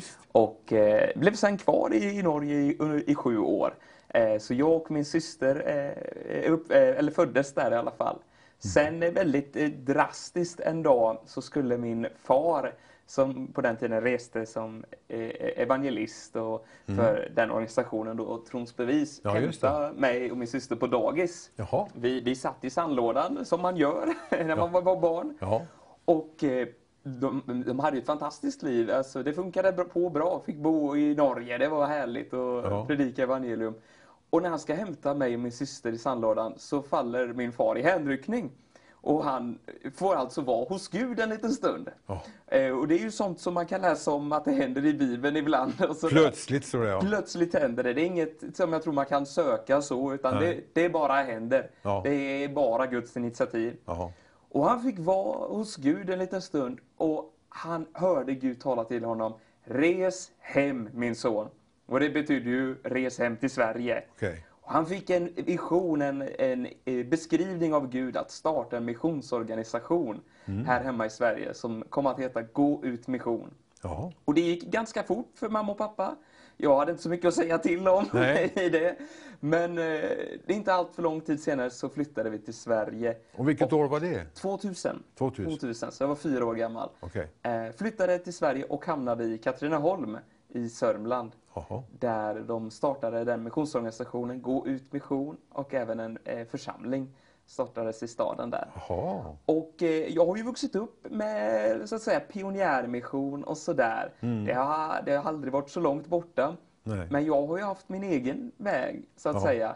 Och det var jag, jag reser själv som evangelist och predikant idag och Ja. det, det får jag säga, det är, det är Guds nåd. Ja. Jag, jag, jag är, ganska rädd och blyg i krake egentligen men. Gud ger mig mod så att säga. och eller, jag har i alla fall varit väldigt rädd. Ja, inte längre. Nej, ibland. Men hur som helst, alltså. Jag vet att Gud, han har en tanke med alla våra liv, tror Ja. jag. Mm. Och det var så här att några veckor innan jag skulle födas i Norge så hade min farfar och farmor varit och hälsat på mamma och pappa. Mm. Och då hade farfar fått ett ord eh, till mig när jag, när jag fortfarande låg i mammas mage. Och han bad ut det här ordet att jag skulle upphöja Människosonen, eller hans namn, Mm. alltså Jesus, över hela jorden. Ja, okej. Och jag hade ju inte eh, gjort så mycket för att kunna göra det. Jag var inte ens född. Nej. Men det här ordet var uttalat. Gud hade lagt ner det. Mm. Och så blev det. Inte för att min pappa och farfar var pastorer och missionärer eller predikanter. Utan för att han hade en egen kallelse för mig. Så det här liksom... Jag vet inte, jag bara fick det till mig. Så jag- var nio år kanske när jag upplevde Gud första gången till mig säga Simon, du är evangelist. På ett litet barnmöte var det. Åh. Söndagsskolan. Ja, de sa, nu knäpper vi händerna. Och jag gjorde så och så stängde mina ögon som en god kristen alltså. Ja, ja, ja. Och så ja. hör jag Gud säga, du är evangelist. Och jag var lite oj, vem sa det? Men jag bara visste, det ligger någonting över det. Ja. Hörde det en gång till när jag var 12 år gammal, blev andedöpt som man säger. Och Ja. fylld med den helige ande. Ja. Och hörde igen, du är evangelist. Så var jag fem, ja, 14 år en gång på ett konfirmationsläger. Och hör genom ett tilltal att Simon, du är evangelist. Och där någonstans föll polletten ner för mig. Okej. Jag var ju fortfarande inte gammal, 15 år. Mm. Men jag visste, okej, är det det här Gud har sagt, då får vi gå för det. Mm. Så jag började hålla eller dela andakter på eh, så att säga, församlingsläger. Eh, Jag märkte Gud var med i det. Folk Ja. blev berörda, folk mötte Gud. Jag gjorde min första missionsresa sommaren efter, som, eh, sommaren 2012, Jaha. till Albanien. Och fick eh, predika Jesus där. Och det är halv, halvdan engelska, men ordet är ju det som... Ordet träffade dem i hjärtat, det var Ja. inte min engelska.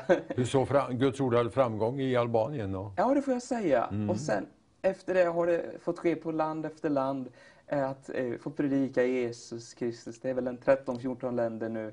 Och genom kampanjer och mötet med en annan människa så här. Ja. Få dela Jesus, att han lever och att han längtar och han söker efter varje människa. ja, det är väldigt bra. Det blir min stora hjärtefråga. Det är fantastiskt, vi ska höra mycket mer om det. När du säger det här att på tidigt stadium med ungdomen, då kommer jag att tänka på när jag var i tonåren Ja, och var in, jag var inte ens frälst fast jag var så kallad avfälling. Och jag upplevde väl som uh, Dan här berättade om att, eh, att han hade inte lämnat. Han var där fast jag Just inte det. levde för honom. Han, han, han släpper oss inte. När han väl har kommit in, då är det inte lätt att få ut honom. Ja, men, man kan placera honom på sidan för han tvingar ju ingen att vara en kristen. Nej, Det är en frivillig sak. absolut. Men jag minns att jag, tänkte jag, jag är på dans, jag är på bio, jag, är på, jag lever inte, ska jag bli evangelist? Och dessutom så stammade jag. Ja, ja. Jag kunde inte ens eh, uttala vissa ord, utan jag passade ju inte alls till evangelist. Men jag sa ja, och så blev det. ja, det är ju han som han formar oss till de som han vill att vi ska vara. Ja, Det, jag fascinerades en gång, eller jag tänkte på det här när Jesus tar människofiskare, eller han, han tar ett par fiskare, ja, lärjungarna som säger jag ska göra er till människofiskare. Han gör dem till någonting som de ännu inte är. det. Och på samma sätt, jag tänkte, jag fick jag upp ögonen för det en gång. Han tar en sån som Paulus. Mm. Han är en förföljare. Mm. Han försöker lite för hårt va? Han var, han var för religiös Paulus. Ja, han var väldigt religiös.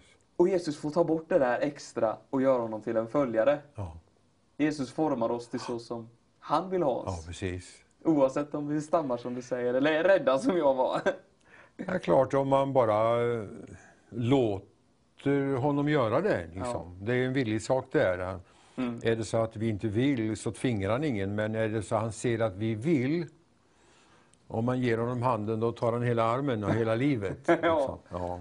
Ja, han är fantastisk. Så, ja, tillbaka lite till Norge. Du, eh, ni gick i en församling där och lärde dig norska. Kan du sörländska? Jag har varit i... Nej, jag talar lite norsk, det gör jag. Ja, du gör det, ja. Men idag kanske det är mer svorsk. Jag, jag, jag vill tro att jag kan mer norska än vad jag kan, men lite grann i alla fall. När du kom ner till Fläckeröj så... Jag har varit där faktiskt. Ja, det är. Ja, jag vet. eh, Ja, det är fantastiskt Ja, fint. är väldigt fint. Fisk, fiskeläger där. Ja, just det, precis. Riktigt som hönor ungefär. Ja, du dras till de som Ja. ställer med fisk. Nej, Men- men... ni är ju tillbaka och har möten ofta och sådär och goda vänner.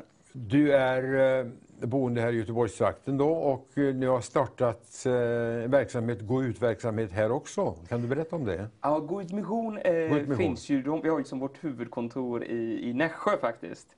Eh, men sen så är vi ju en grupp på nästan 20 förkunnare som är med då. Ja. Eh, som reser och predikar och undervisar både här hemma i Sverige och utomlands.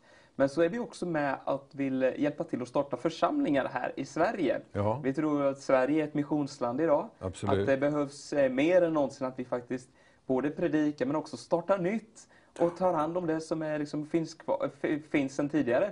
Såklart, jag tror det är både och. Liksom. Ja. Eh, att inte tappa det pionjära så att säga. Nej, så vi försöker sam, eh, samarbeta med olika samfund för att starta församlingar här i Sverige. Ja. Så jag har haft ett, eller tidigare här lett ett samarbete med Equmeniakyrkan för att starta en ny församling i Biskopsgården som är ett väldigt utsatt område i Göteborg. Ja, hur har det gått? Ja, det gick! Det gick. Eh, det, Berätta. det är fantastiskt. För, Hur började ni? Ja, det var verkligen. Jag, jag hade, det får man säga, nåden att få faktiskt en anställning för att kunna eh, göra det. Ja, det förstår jag. Så fick ju mycket tid till det här. Ja. Och eh, jag minns eh, första dagen, jag hade ett par teamare utifrån en kurs vi har i Guds mission, eller en utbildning som heter Pionjär man kan söka till. Ja. Eh, som skulle komma och vara med och teama i den här planteringen då. Ja. Och jag hade pratat med lite folk som var lite nyfikna på att vara med och stötta upp det hela och så. Men jag kommer ihåg första dagen, jag satte mig på spårvagnen upp och tänkte, vart börjar man nu? Jag känner ju ingen i Biskopsgården. Nej, just det. Jag bor ju inte ens där själv liksom. Nej. Hur ska det här gå? Och jag minns att jag tänkte, oj nu måste jag börja prata med människor. Jag hade- ingen lokal eller någonting sånt. Nej. Och så minns jag att jag bara vänder mig om till en kille på spårvagnen och frågar Hej, skulle du vara intresserad att vara med i en kyrka? Och han liksom, ja absolut, det skulle jag ju vilja, det låter ju jättekul. Och jag tänkte, nej men det här är ju för bra för att vara sant. Och vi hade lite kontakt och sen blev det att han, han föll av lite så och kom inte med riktigt så. Men Nej. det gav mig en sån tro på Ja. att han, ja men det är klart jag vill vara med i en kyrka. att folk vill nog egentligen. Ja. Folk, alla söker efter Jesus tror jag utan att veta om det alltid. Ja. Men vi fick tag sen på en lägenhet och vi började fira gudstjänst i lägenheten, i hemmet så att säga. Ja. Träffas i hemmen. Och eh, varje onsdag hade vi gudstjänst då och bjöd in folk vi mötte på stan, muslimer, Ja, jag kristna. tänkte, gick ni ut på gatan och eller in i hemmen också? Ja, lite både och. Vi gick ut och hade fika och liksom allt möjligt sådär. Ibland Få vi pannkakor. ja. Precis, få kontakt med människor. Och vissa fick vi fin kontakt med som är med idag i församlingen. Ja. De hade ingen tro innan, men nu har de börjat få en tro efter en tid här. Det är fantastiskt. Och då är det ju både eh, folk som kanske inte trodde någonting, men också muslimer som har kommit till tro på Jesus Vad Kristus. fint. Det är fantastiskt. Och, eh, det, det, idag så har jag ju lämnat vidare den här eh, församlingen till en annan som leder den vidare. Vi har olika gåvor. Mm. Ja. Eh, jag eh, kände att det är dags. Du bröt ny mark liksom? Ja, jag fick lägga en grund. Och, lägga en grund. Och, och, och, och den grunden var i Kristus så att säga. Mm. Men, och sen här nu så fick jag lämna vidare och då- idag är det en grupp på 25 stycken ungefär. Säger du så det är fantastiskt. Och när började du? Eh, två år sedan. Två år sedan. Så det, är- det är bara Guds nåd att det har lyckats Vad bli något roligt där. att höra. Alltså. Ja, för jag, jag är liksom... Jag Alltså jag, gillar, jag gillar det, för vi, vi har någonting som vi kallar för pionjärmissionen som jag förestår. Just det. Och vi har, har ju riktat oss mycket ut i, i världen, i olika länder också. Ja. Men eh, vi hade också evangelister som var ute här i Sverige och bland annat ute i Bollebygd där det inte fanns någon verksamhet. Just det. Och, och där var det två unga systrar, evangelister, som började och, och, och vittna om Gud och så vidare. Och det här att man sitter och väntar på att eh, Gud ska komma och det ska bli väckelse och man längtar och väntar och längtar men man gör ingenting. Nej. Alltså det är fullständigt obibliskt. Visst är det? Ja, det är det. Jesus han sa gå ut i hela världen och förkunna evangelium. Gå Absolut. ut och förkunna. För vem? För människor du möter. Mm. Eh, Det är ju inte eh, lagt till möten bara, verksamheten. Det är ju nästan som en mötesverksamhet. Det är själva målet, men det är ju medlet till att nå människor. Ett Absolut. utav medlen. Ett medel för att nå människor. Ja. Och sen detta, Jesus säger att, eh, ni säger att det är fyra månader till skördetiden.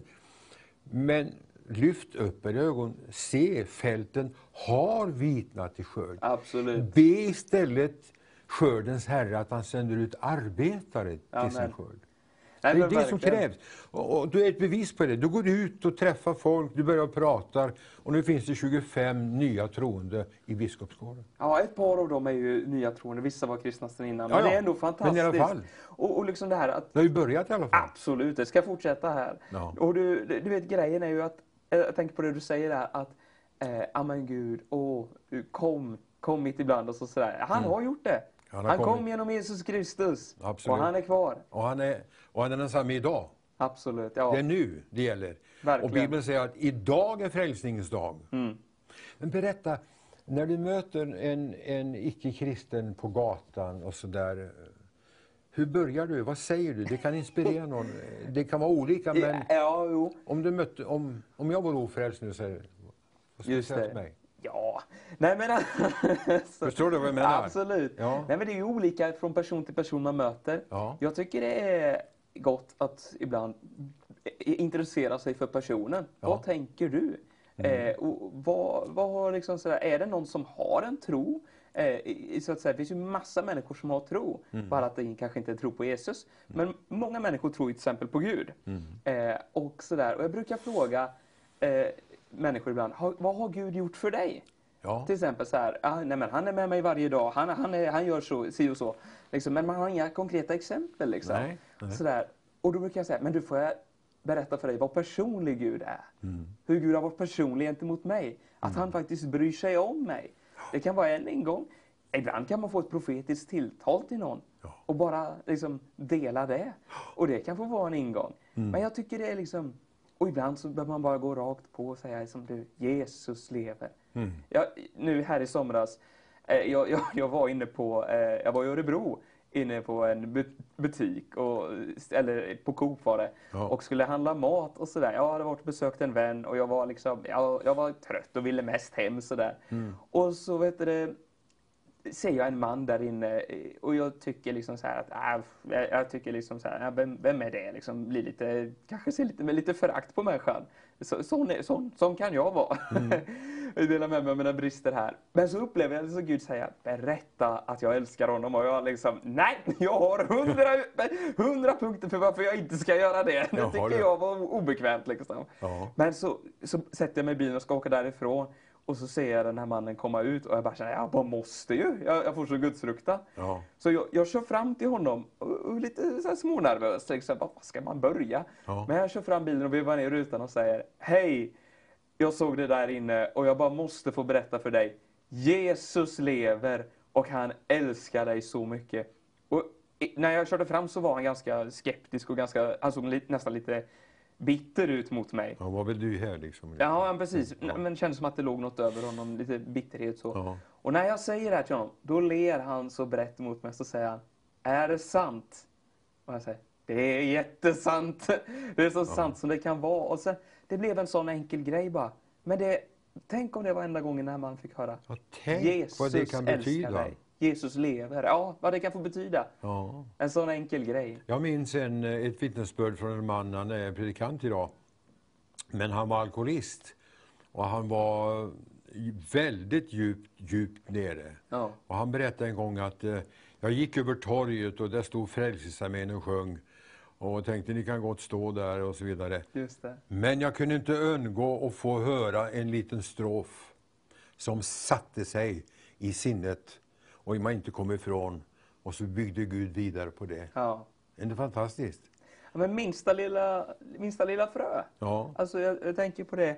Eh, Paulus beskriver, han talar om församlingen där också, men alltså, jag tror det är i människors liv också att jag planterade, Apollos vattnade, men Gud gav växten. Ja. Om man bara sår in ett frö i en människas liv och så får du han komma eller någon annan och vattna på det Ja, till slut. och så kommer någon och skördar. Ja, det är fantastiskt. Jo, men det är så det, det, det så det funkar. Eh, När jag sitter och hör på det här så tänker jag på vad jag mötte i London för många år sedan. Då. Det är ganska många år sedan nu. Eh, Jag var med på en eh, dopförrättning. Det var en kille som var Ja. lika känd i England som Elvis Presley. Han hette Terry Dean Okej. som ar- artistnamn alltså. Och Tommy Steele, känner du igen det? Tommy Steele känner jag igen, men inte den Steele. första. Eh, Terry Dean, han var mest känd i, eh, i England då. Ja. Var jämbördes med de där eh, som slog igenom då i rock'n'rollen. Wow. Och så kommer, så kommer han en dag och så är det en som står och delar ut traktater bara. Med Just lite det. undervisning om frälsningens väg och nytt liv i Gud och så vidare. Och han går förbi där och, och får tag i den traktaten. Och vet du att han, han tog vara på den, läste den och det ledde till att han blev frälst. Halleluja. Han gav sitt liv åt Jesus. Härligt. Och jag var med vid hans dopförrättning. Wow. Ja. Så bara en traktat. Minsta Alltså, lilla, allt som fungerar. Vi säger Gud kom, men Gud har kommit och han har inte åkt bort. Han har, Ja, inte men- serat, han har inte sagt något annat än att vi ska gå ut och förkunna evangelium för allt skapat. Ja. Du sa två församlingar i Göteborg. Ja, pre- precis. Den stämmer. andra är på gång. Var, Nej, den var faktiskt före den i Biskopsgården. Den var det var en, eh, den heter Kungsport idag. Eh, vi började med att ha kafémöten vid Kungsportsplatsen i Göteborg. Jaha. Eh, mitt i centrum så hade vi kafémöten, hyrde in oss på ett café som hette Wayne's Coffee. Och det var väldigt häftigt alltså att stå där och tala i, till folk i, citymiljö så att säga. vilket initiativ, vad bra. Ja, det var, det var, det var ju, eh, min, min far jobbar som församlings, eh, eh, han jobbar för att liksom, eh, inom Equmeniakyrkan för församlingsgrundande arbete. Mm. Att få eh, etablerade församlingar att vilja starta en ny, Ja, så att det. säga. Att Ja. bli mamma till en ny församling. Ja. Och eh, då var det här att eh, det skulle startas en ny i centrum. Och då fick jag vara med och vara en av de drivande för det då.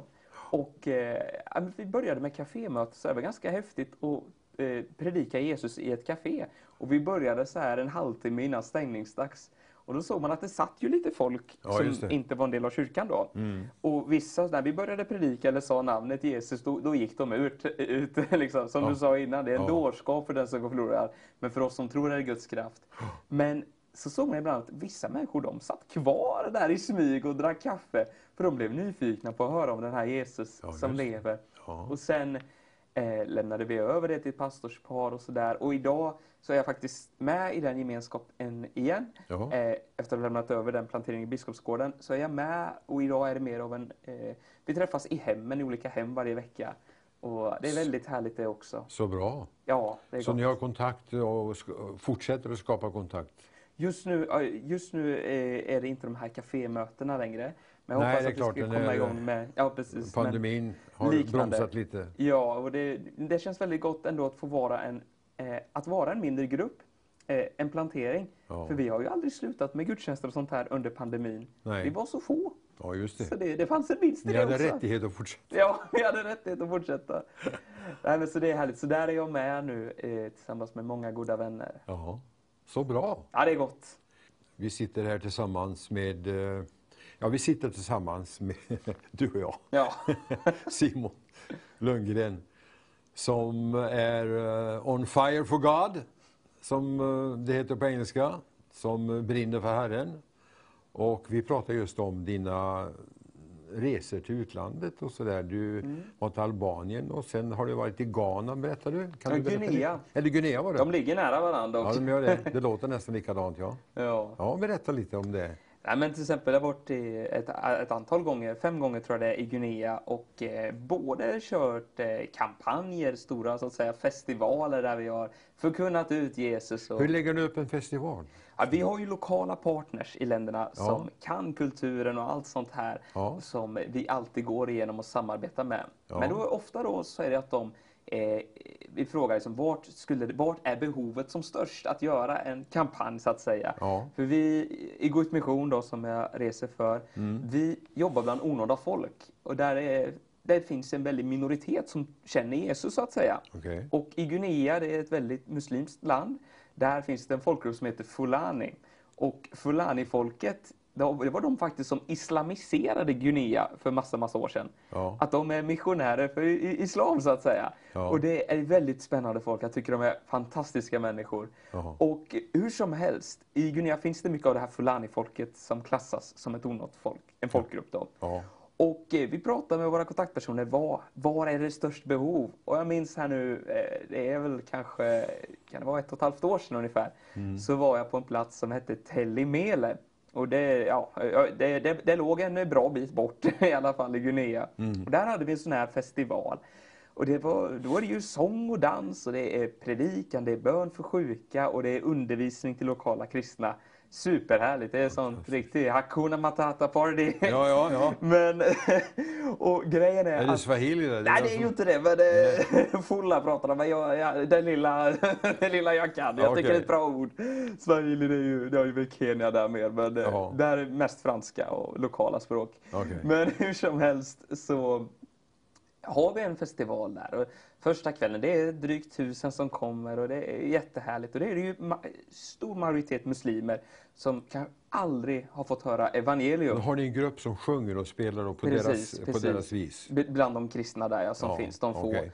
Och eh, liksom, eh, på deras eh, eget språk sjunger vi sånger då. Ja. Och folk dras. Vad är det som händer? Det kanske inte så ofta det händer saker i den byn. Just Eh, så det är drygt tusen personer som kommer och det är härligt. Första kvällen, och så Ja. ökar det sen då eller? Precis, i, i regel så brukar det öka.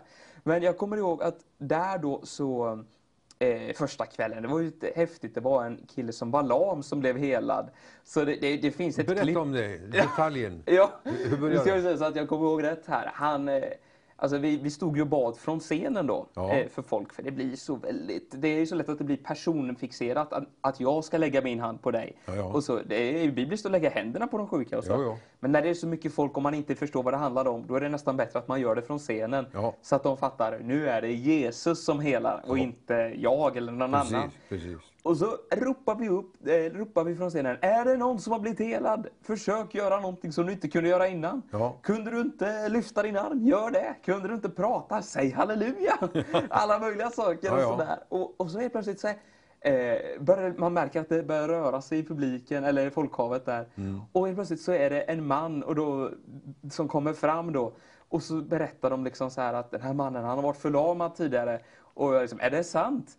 Så jag hoppar ner till honom och liksom säger till honom Do like me, dance with me. Så vi hoppar runt där tillsammans, han och jag. Ja. Och han härmar mina rörelser och hoppar och folket skriker för de vet ju om hans... De kände honom. De kände till hans historia. Jag visste ju inte alls vem han var. Men liksom, det blev ju väldigt party där och mycket hände så ryktet började ju gå. Ja. Och nu är det intressant att eh, i det här landet så är det liksom, det är tillåtet att bli kristen och så. Men bland fulani-folket så är det ofta en väldig kamp att bli kristen. Det är väldigt lätt att det blir förföljelse. Mm. Så desto större partyt blev, så att säga, på kampanjen och mötena, desto mer motstånd blev det. Ja, så då började ut, eh, ropa ut från minareterna och från moskén att gå inte på de kristna mötena. Vi liksom, ni ska inte gå till de här mötena. Så då blev det ju tufft, vet du. Mm. Då märkte vi att antalet gick ner. Eh, så det, det ökade lite dagen efter, men sen gick det ner för. Och jag minns Folk sist- blev varnade liksom att Ja, inte gå de dit. va? hotade folk att gå inte dit liksom. Ja, spred skräck helt enkelt. Ja. Mm. Och fruktan bland människor. Och jag minns sista kvällen, då var det faktiskt bara 100, 150 kvar ungefär tror jag. Så det är ju märkligt. Men vi får ju vara tacksamma för alla som kommer. Jaha. Och jag minns jag stod predika om att faktiskt, jag hade upplevt på morgonen att jag skulle tala om att hålla fast vid Jesus. Och jag tänkte, varför ska jag tala om det? De här människorna har ju knappt hört om Jesus. Men jag upplevde, jag ska tala om att hålla fast vid Jesus. Och jag, och jag gjorde det. Och när jag var klar, i- precis i slutet, så jag sagt liksom amen, så kommer det en man, han var fruktansvärt arg och han beter sig väldigt hotfullt och kommer fram mot mig och skriker Liar! Hypocrite! Liksom, du är en lögnhals. Du, du förför folket. Ja. Eh, och, och, och jag ville ju inte ställa till med någon scen där eller så. Han, jag stod ju på scenen och han på marken och skrek och hetsade folket att lämna det här. Det är villolära allt det här, den kristna. Och det som händer, det är att 50 personer av de här 150 ungefär väljer att lämna mötet med den här mannen som liksom sprider hot bland Ja, dem. Om ni ja. håller kvar vid Jesus, då ska vi göra si och så med er. Okej. Men ungefär 100 människor väljer att stanna kvar. De, vi har fått tag på Jesus. Han är vägen, han är sanningen, han är vårt liv. Underbart. Och det var ju väldigt passande att jag hade fått till mig på morgonen prata om att hålla fast vid Jesus. Ja. Så ungefär 100 människor valde, trots hot och annat, de går igenom så mycket svårare saker när de faktiskt ska bli kristna än vad vi gör här hemma, Ja, ja. valde ändå att hålla kvar vid Jesus. Så det är ett fantastiskt vittnesbörd verkligen. Verkligen. Och nej, men det är ju mycket sånt som sker alltså. Det är ju en bit av uh, apostlagärningarna i, i modern tid. Ja, Det är ju bara så. det är verkligen. Och vi har mycket gemensamt. Jag har också haft mycket kampanjer i utlandet och det är ju omöjligt att lägga händerna på, på folk. Ja, det det är svårt. När det är mycket. Men det, jag kan berätta för dig då en liten historia. Ja, gärna. Fast jag är, är utfrågare och du, du berättar. Jag det. lyssnar gärna. Nej, men det var i Indien en gång då, Ja. då vi hade, det var nog en eh, 20-30 000 människor Just det. på den här kampanjen. Och pastorn som stod som värd för den här kampanjen och, och ledde den, Ja, han sa, för folk vill bli smorda med olja mycket i Indien. De har till och med oljeflaskor med sig som man ska be för och så vidare. Men vi ska smörja med olja, sa han. Ja, Men så det går inte, vi försökte det på ett annat ställe. Och folk har inget kötänkande i Indien. Nej. De kan inte stå i kö. Jag, bara som ett exempel, jag, så, jag satt tidigt på morgonen på en flygplats och, och, och eh, väntade på flyg. eh, Flyget skulle gå. Satt där i vänthallen och där har de ju affärer och sånt. Det var ju stängt Mm. också tidigt. Och så en bank. Och jag såg folk stod omkring, runt omkring där och väntade på att banken skulle öppna. Just det, och just så det. öppnade de luckan. Och alla sprang dit. Har du, du har sett det också? Ja, och, och, de, och de sträckte sina papper och den ene som var, eh, som var längre än den andra, han nådde ju alla de andra små som stod. Så, så, så det kommer aldrig gå, för jag sa de slogs ju och, Ja, ja. och, det var ju... Ja. Men i alla fall så sa jo men jag har gjort så han som de gör i Texas. Jag har byggt ett staket Mhm. som en strut. När de ska märka korna så brukar de ta dem Ja, in och, och, och, och, brännmärker korna. Liksom sätter sitt gill på dem eller vad de kallar det för. Ja. Och så går de vidare. Så det ska vi göra och då får vi ordning på kön. Mm. Kommer inte att gå, säger han. Det går, så han. Vi prövar. Så han sa det och jag gick ner med oljeflaskan och, och ställde mig där och folk började komma. Vet du. Mm. Ja. Jag vet inte om jag hann och, och smörja 10 eller 15 eller högst 20. De, de pressade på. Ja. De började att krypa under staketet, krypa över staketet och överallt. Och, Oj, bara, oj, oj. Och, och, och pastorn får se det här att, att omkring 20 000 människor och så många tusen ville bli smorda med olja för Gud hade gjort grejer i, i de här mötena så de fick Just ju det. tro på mig också. Just och det är det. det som är så allvarligt. Mm, men det jag inte handlar om Jesus, liksom. Ja, fast jag inte hade lagt händerna på någon. Nej. Men nu skulle vi göra det då. Och, och, eh, och då får han se här att, eh, att, eh, att folk tränger på. Så han hoppar upp på plattformen och så mikrofonen så han. Och så ropar han någonting och så säger han till folket då, vad jag förstod sen, att stoppa upp lite grann här. Slut era ögon. Räck upp era händer och så ska vi prisa Gud just för ögonblicket. För han berättade att jag, jag sa så, för jag såg hur folk gjorde det. De, de, de är stilla, lyfter sina händer Ja. och börjar prisa Gud. Och de har respekt för Herrens tjänare, så de gör vad de säger. Ja. Och sen kom, hoppade han ner till mig och sa, kom sa han nu så springer vi. Sticker vi. Vi kan bli nedtrampade här, sa han, det går inte. Så vi, när folk stod och blundade så sprang vi på sidan och in i en kyrka som låg alldeles eh, i närheten. Ja, just det. Och när vi... eh, Det var ju en del yngre killar då, ungefär i din ålder, som såg att vi sprang mot kyrkan. Ja. Så de sprang upp med, med oss och, och, och, ropade till mig, pray for me, pray for me. Så jag sprang och bad för folk. Och så in i kyrkan och stängde dörren och låste den. Och så såg vi hur folket trängde på. Och någon annan pastor tog över naturligtvis och avslutade mötet. Men Ja. det höll på att bli kaos. Ja, nej men det är ju... Det finns ingen respekt för eh, kötänkande. Nej, men det är också... Det finns ju väldigt, något väldigt vackert i det också. Hungra efter Gud. Det är, ju det, det är ju det som vi, vi gläder oss åt. Men det blir ju ofta absurt. Och sen är det ju en annan eh, negativ, mitt i allt det positiva. Det är ju det att de får lida mycket i de här länderna Ja. På grund av att de väljer Jesus. Mm. Jag minns på ett ställe vi var eh, och eh, alla vill ju komma fram och bli välsignade. Mm. Inbjudet till frälsning, de tar det som en välsignelse. Kom till frälsning, kom till Jesus. Mm. Och du kan ju åka hem och säga att eh, 50 000 blev frälsta. Ja, Men det är inte så säkert att de blev. Men de kom till förbön i alla fall. Ja. Och bara det är positivt. Så blir det säkert många som blir frälsta. Men när du börjar då tala om dopet. Då blir det, då blir det Den svårt. som tror och blir döpt. Mm. Dopet är ett steg ifrån sitt hednasammanhang Mm. till gudssammanhanget. Absolut.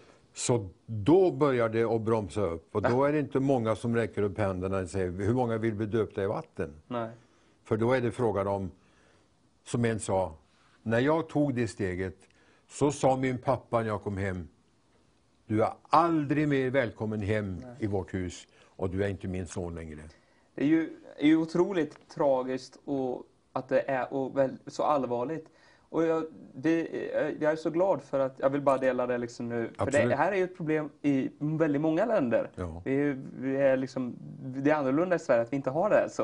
Ja. Men i till exempel Indien där vi jobbar håller vi på just nu. Vi har köpt en tomt där nere för att bygga en, ett tillflyktshem så att säga. För personer som behöver fly för sin tro eller bli förföljda för sin tro. Jaha. Att de ska få komma dit och bli omhändertagna men också få gå en liten bibelskola där. Men så bra. Så håller vi på att bygga upp det. Och samma sak i Guinea, det finns en tomt och en tillflyktsort där. Ja. För människor som blir förföljda för sin tro.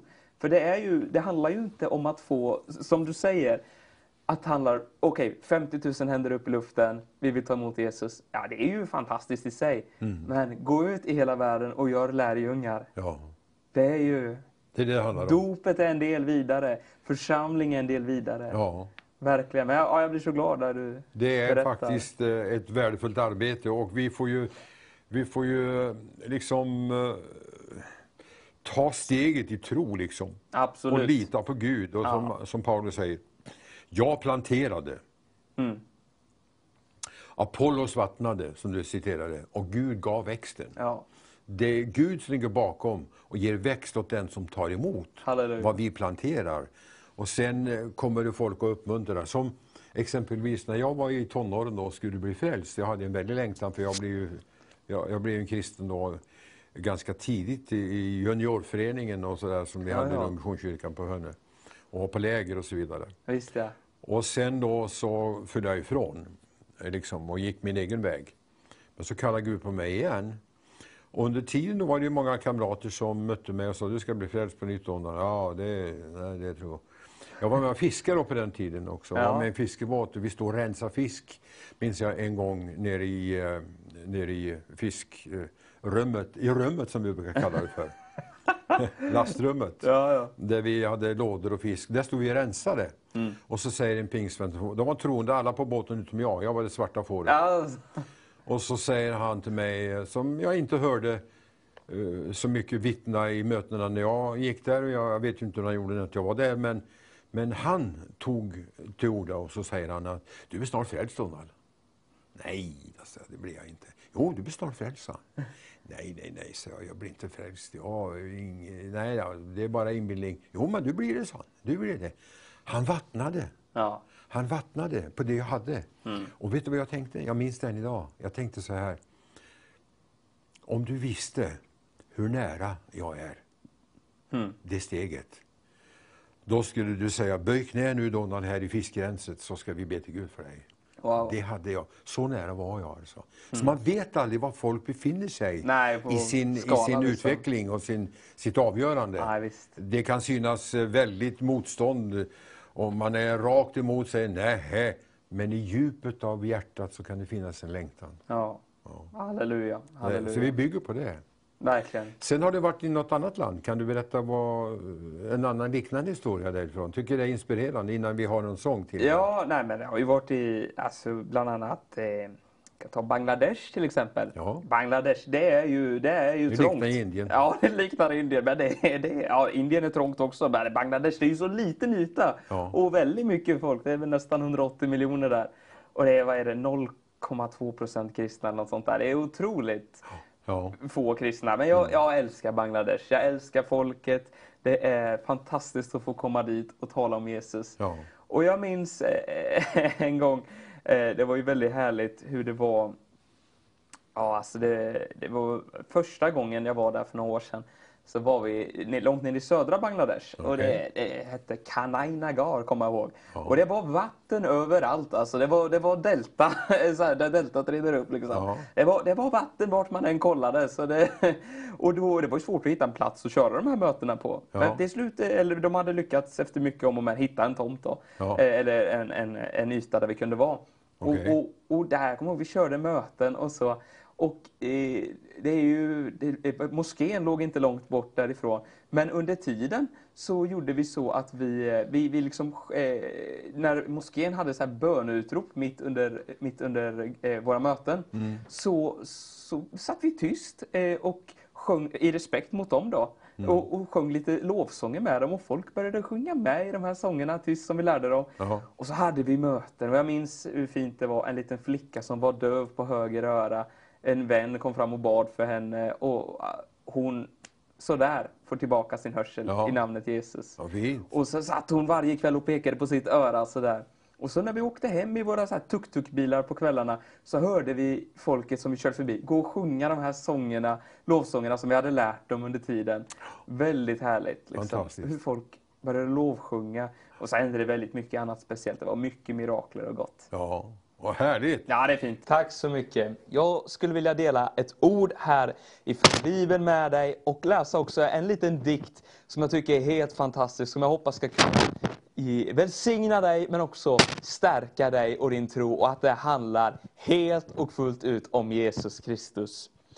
Jesus säger så här i Matteus kapitel 11 och vers 28.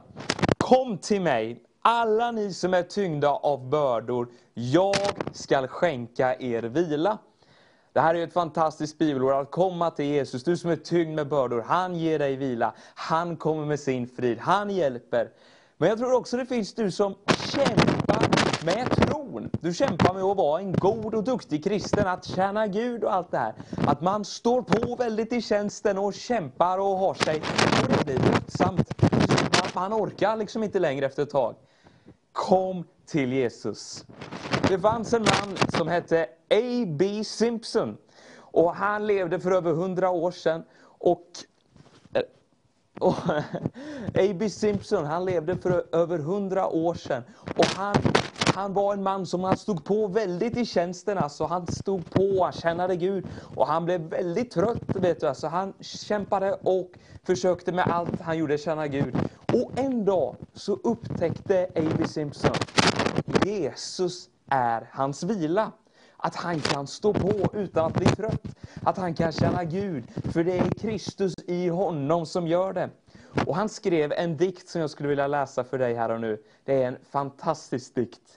Han skriver så här. Den här dikten är över 100 år gammal. Men den är lika relevant idag. Den är på engelska och det står så här. Once it was the blessing, now it is the Lord. Once it was the feeling, now it is His word. Once His gifts I wanted, now the giver own. Once I sought for healing, now Himself alone. Once I was painful trying, now it's perfect trust. Once I have salvation, now the uttermost. Once I was ceaseless it holding, now he holds me fast. Once I was constant drifting, now my anchor's cast. Once I was busy planning, now it's others, uh, now it's trustful prayer. Once I was anxious caring, now he has the care. Once it was what I wanted, now what Jesus says. Once I was constant asking, now it's ceaseless praise. Once it was my work, here it hence shall be. Once I tried to use him, now he uses me. Once the power I wanted, now the mighty one. Once for self I labored, now for him alone. Once I hoped in Jesus, now I know he's mine. Once my lamps were dying, now they brightly shine. Once for death I waited, now he's coming hail. And my hopes are anchored, safe within the veil. Halleluja. Den här texten handlar om att förut så hoppades jag på Jesus. Nu vet jag att han är min. Förut så var det mitt arbete, nu är det han i mig. Förut så eh, konstant frågande, Gud vad är du, Gud vad gör du? Nu, jag bara prisar hans namn. Förut så var jag tvungen, eller så la jag planer under, eh, när jag bad. Jag bad för min, liksom, Gud gör det här med mig. Nu litar jag helt på Guds vilja för mitt liv. Du ser att A.B. Simpson, det uppenbarades för honom. Det handlar bara om Jesus. Att komma in i trons vila, det handlar om att få det uppenbarat för sig att det är Jesus som är grejen. Jag i honom och han i mig. Bara Jesus som gäller. Jesus är grejen min vän. Jesus är vad du behöver. Kom till honom ikväll, du som är tyngd av bördor. Han skall skänka dig vila. Och jag skulle här som avslutning bara vilja läsa för dig utifrån Filipperbrevet kapitel 3, vers 7 och 14. Det är Paulus som skriver ett par välkända ord och det är fantastiskt hur Jesus har fått bli allt för Paulus. Kanske Jesus kan få bli allt för dig ikväll. Han säger så här. Men allt det som förr var en vinst för mig räknar jag nu som en förlust för Kristi skull. Ja, jag räknar allt som förlust, för jag har funnit det som är långt mer värt, kunskapen om Kristus Jesus, min Herre. För hans skull har jag förlorat allt och räknar det som skräp för att vinna Kristus och bli funnen i honom. Och inte med min egen rättfärdighet, den som kommer av lagen, utan den som kommer eh, genom tron på Kristus, rättfärdigheten från Gud genom tron. Då får jag lära känna Kristus och kraften i hans uppståndelse och dela hans lidanden genom att bli lik honom i, en död, i hans död, i hoppet om att nå fram till uppståndelsen från de döda. Inte så att jag redan har gripit det eller redan har nått målet, men jag jagar efter att gripa det eftersom jag själv är gripen av Kristus Jesus. Bröder, jag menar inte att jag har gripit det än, men ett gör jag. Jag glömmer det som ligger bakom och sträcker mig mot det som ligger framför och jagar mot målet för att vinna segerpriset, Guds kallelse till himlen i Kristus Jesus. Halleluja. Förut så bara försökte, stod på och kämpade en massa. Men att komma in i trons vila, det handlar bara om Jesus. Det blir en helt ny dimension när du får det uppenbarat. Jesus i dig, du i honom, där är ditt liv. Kom till honom ikväll. Gud välsigne dig.